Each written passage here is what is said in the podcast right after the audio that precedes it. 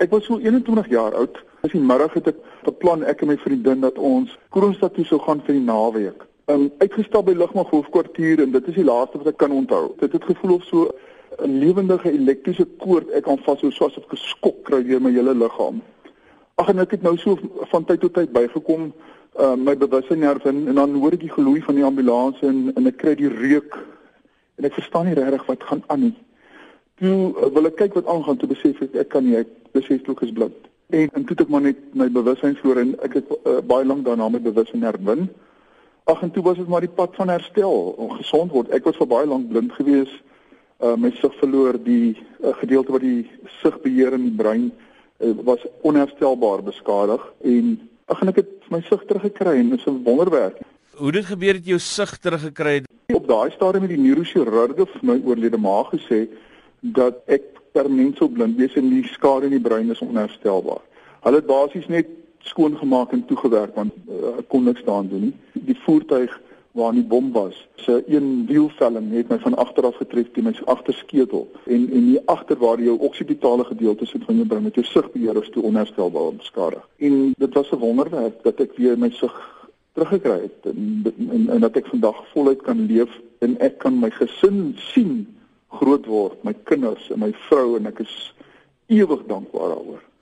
Het dit 'n operasie, het dit mediese behandeling geverg om die sig nee, terug te kry? Nee, dit, weet jy wat gebeur het? My skiel agter was weggevat um, deur die wielvelling en uh, op 'n stadium met hulle um, 'n kraniotomie gedoen het. Uh, ek verstaan nou maar van die mediese dokters af destyds uh sit hulle hulle plaat opgesit ter beskerming van my brein. My liggaam het dit verwerp. Ek het 'n abses op die brein weer gekry, hulle dit verwyder en ek het net gesond geraak. Het jou sig geleidelik teruggekom? Geleidelik teruggekom, aanvanklik blind, stadig maar seker begin terugkom.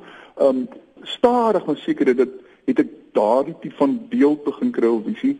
En uh, ek het nou so 'n bietjie 'n uh, tipe van 'n tunnelvisie, maar my liggaam het so goed aangepas. Chris, eh, so iets laat 'n onuitwisbare indruk op 'n mens. As jy vandag terugdink, wat is die tipe goed wat jou aan daai dag herinner? Reuke, klanke. Uh, ek kan goed onthou ek het op my ek was op 'n stadium aan 'n 4 voet in Kerkstraat. En ek soos 'n uh, my my liggaam het gebrand soos 'n koel vuur. Toe ek nie kon sien nie, het my oë so probeer oop forceer met my vingers, maar toe besef ek ek is blind. En toe kom my hare vat, toe val dit so stof in my hande en en daai ongelooflike seer wat ek beleef het van dis seker nog maar die skoei of die brand as gevolg van die bom die reuke daarom sal ek nooit kan vergeet nie. Die ontploffing het gebeur in 'n ja. in 'n geweldige spanne tyd wat Suid-Afrika beleef het.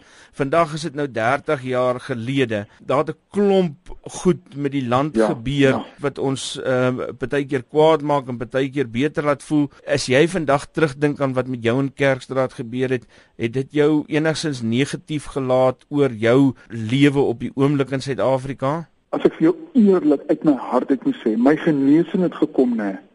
Regtig volle genesing.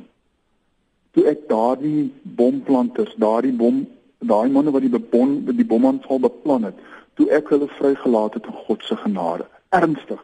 Ek het geen grudges nie.